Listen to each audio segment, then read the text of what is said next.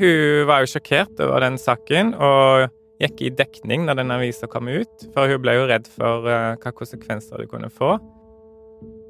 På forsida av tabloidavisen The Red Pepper i Uganda er det et bilde av ei dame med kortklippa mørkt hår og stor skjorte. Uganda har noen ekstremt tabloide aviser som jevnlig henger ut eh, homofile på forsidene sine. En av de personene som ble eh, offer for det, det var ei dame som heter Diane.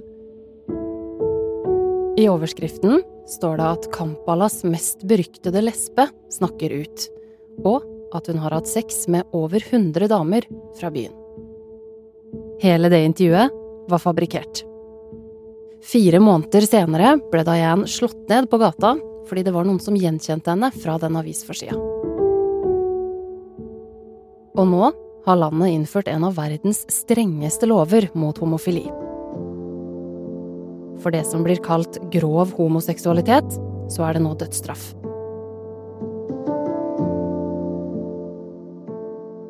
Det mest interessante med dette er hvordan politikerne i Uganda bruker dette som en avledningsmanøver. Du hører på Forklart fra Aftenposten. Det er fredag 2. juni, og jeg heter Hanne Marie Maugesten.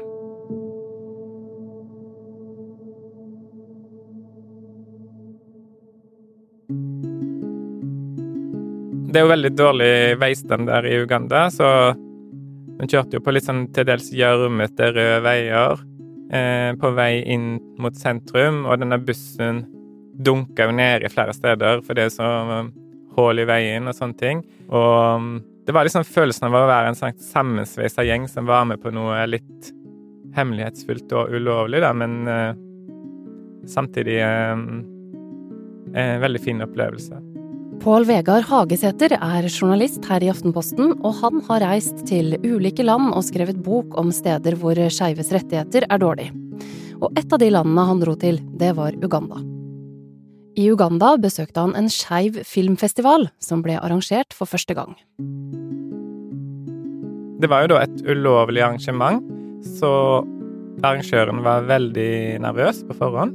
For at det skulle kunne gå an, så måtte de holde eh, visningsstedene for filmene hemmelig.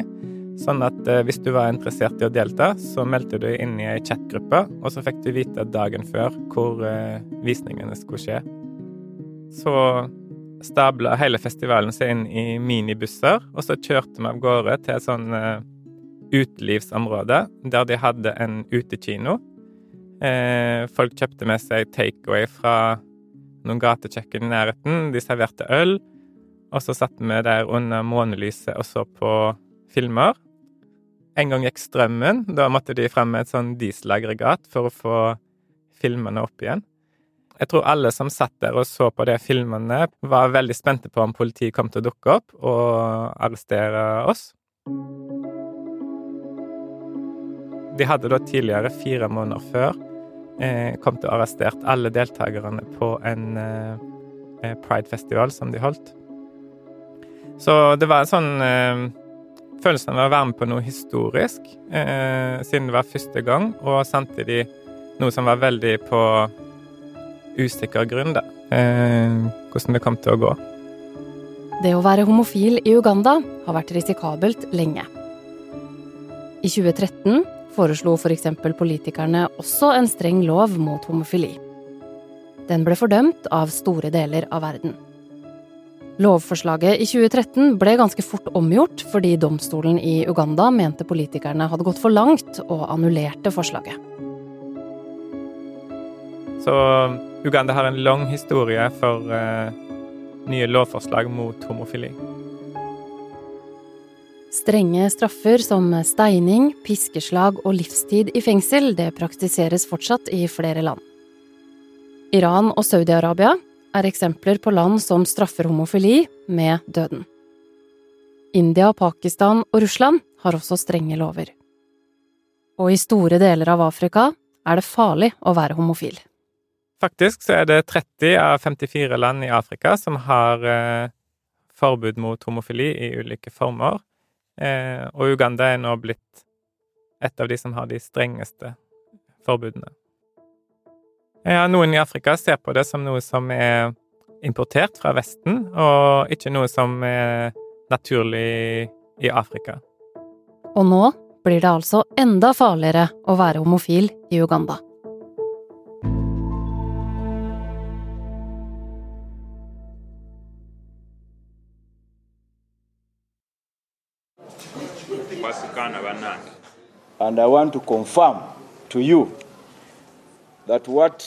Mandag 29. mai signerte presidenten i Uganda den endelige loven.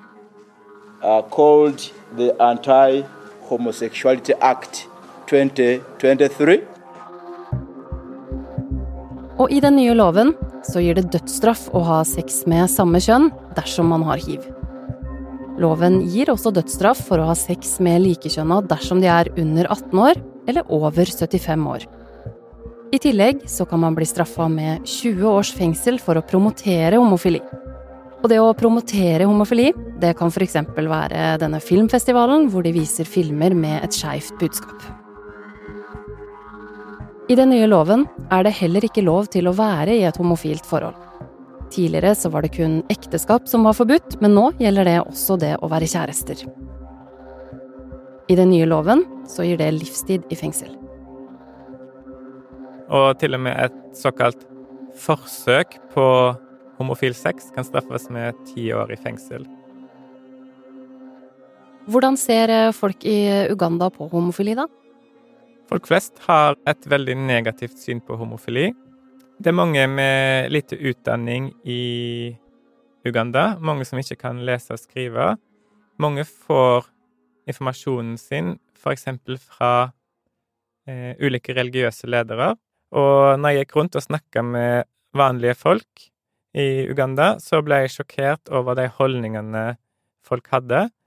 Dette er folk som er veldig avslappa, hyggelig eh, på overflaten, men eh, hvis du pirker borti holdningen deres, så er det mange som mener at eh, homofile ikke har en rett til å eksistere.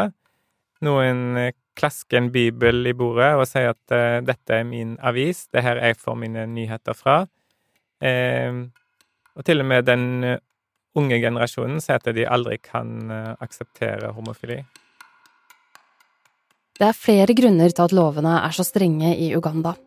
En av dem stammer faktisk fra kolonitida. Uganda har jo vært en britisk koloni, og veldig mange av tidligere koloniserte land ønsker jo å fri seg fra tenkingen som eh, kolonimaktene påførte dem. Derfor tenker de at dette med homofili det er noe uafrikansk som Vesten prøver å dytte på oss, og vi vil bestemme sjøl. Vi vil gjøre det på vår egen måte. Og det er en del av grunnen til at eh, eh, folks holdninger til homofili er negative, for de vil være uavhengige av kolonimaktene. Og så er det jo et stort paradoks her, og det er jo at eh, Uganda sin eh, opprinnelige lov som forbød homofili, den ble jo innført av britene når eh, de hadde kontrollen.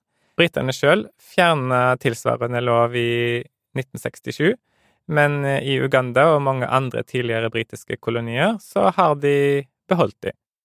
De vil både fri seg fra kolonimaktene, samtidig bevare enkelte deler av det britene har etterlatt. I tillegg til arven fra kolonitida, så har landet også vært et land med mye påvirkning fra misjonærer. Uganda har vært et eh, mål for eh, amerikanske evangelister, pinsevenner, som driver aggressiv eh, misjonering. De har reist rundt i landet med budskap om Gud og kristne verdier, og mange av de er imot homofilt ekteskap og sex mellom likekjønna. Uganda har også, som en del andre land i Afrika, over lang tid slitt med hiv og aids. Det at en person som har hiv, da har sex med en annen person, kan gi dødsstraff, så vil jo ingen fortelle at de har hiv, eller være villig til å ta imot behandling da, for uh, den sykdommen. Så det vil jo tvinge folk med hiv til å holde det skjult og sette den kampen mange år tilbake. I tillegg så har Uganda virkelig fått kjenne på den siste tidas kriser.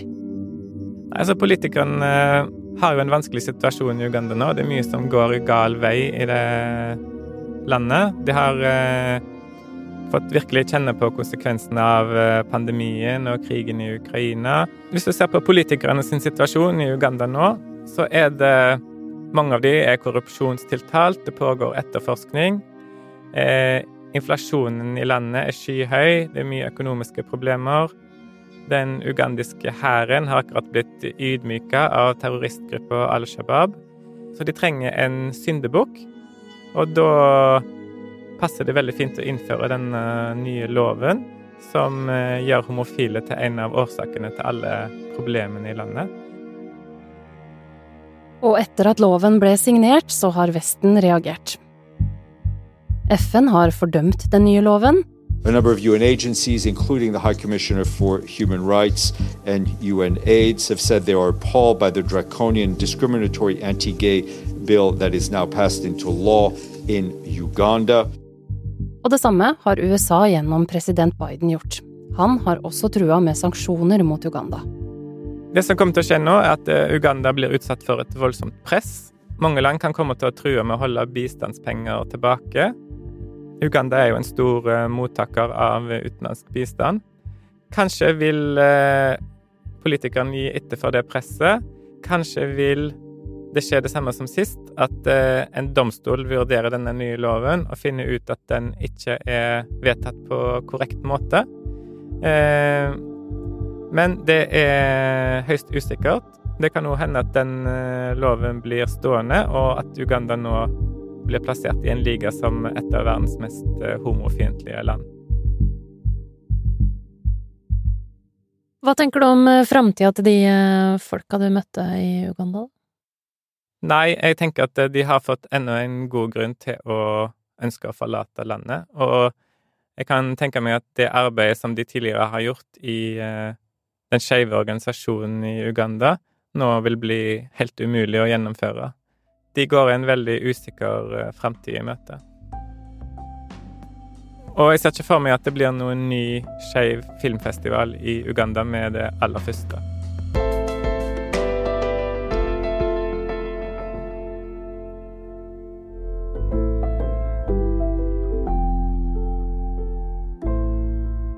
Du har hørt en podkast fra Aftenposten.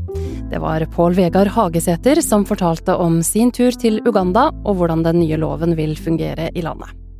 Du har hørt lyd fra nyhetsbyrået AP. Denne episoden er laga av meg, Hanne Marie Maugesten, og produsent Jenny Føland. Resten av Forklart er Synne Søhol, Olav Eggesvik og Anders Weberg. De siste 15 årene har det skjedd ting i land etter land som ville vært helt utenkelig tidligere. Populismen og konspirasjonene florerer. Hele Trumps valgkamp, Trumps presidentperiode, Erdogan i Tyrkia, Orban i Ungarn. Dette er noe som preger det politiske livet på en helt annen måte i dag enn det gjorde for 20 år siden. Men hvorfor? Sosiale medier kan du jo riste på hodet og si, men det her er større. Hør Dypdykk i Aftenposten-appen eller hos Podmy.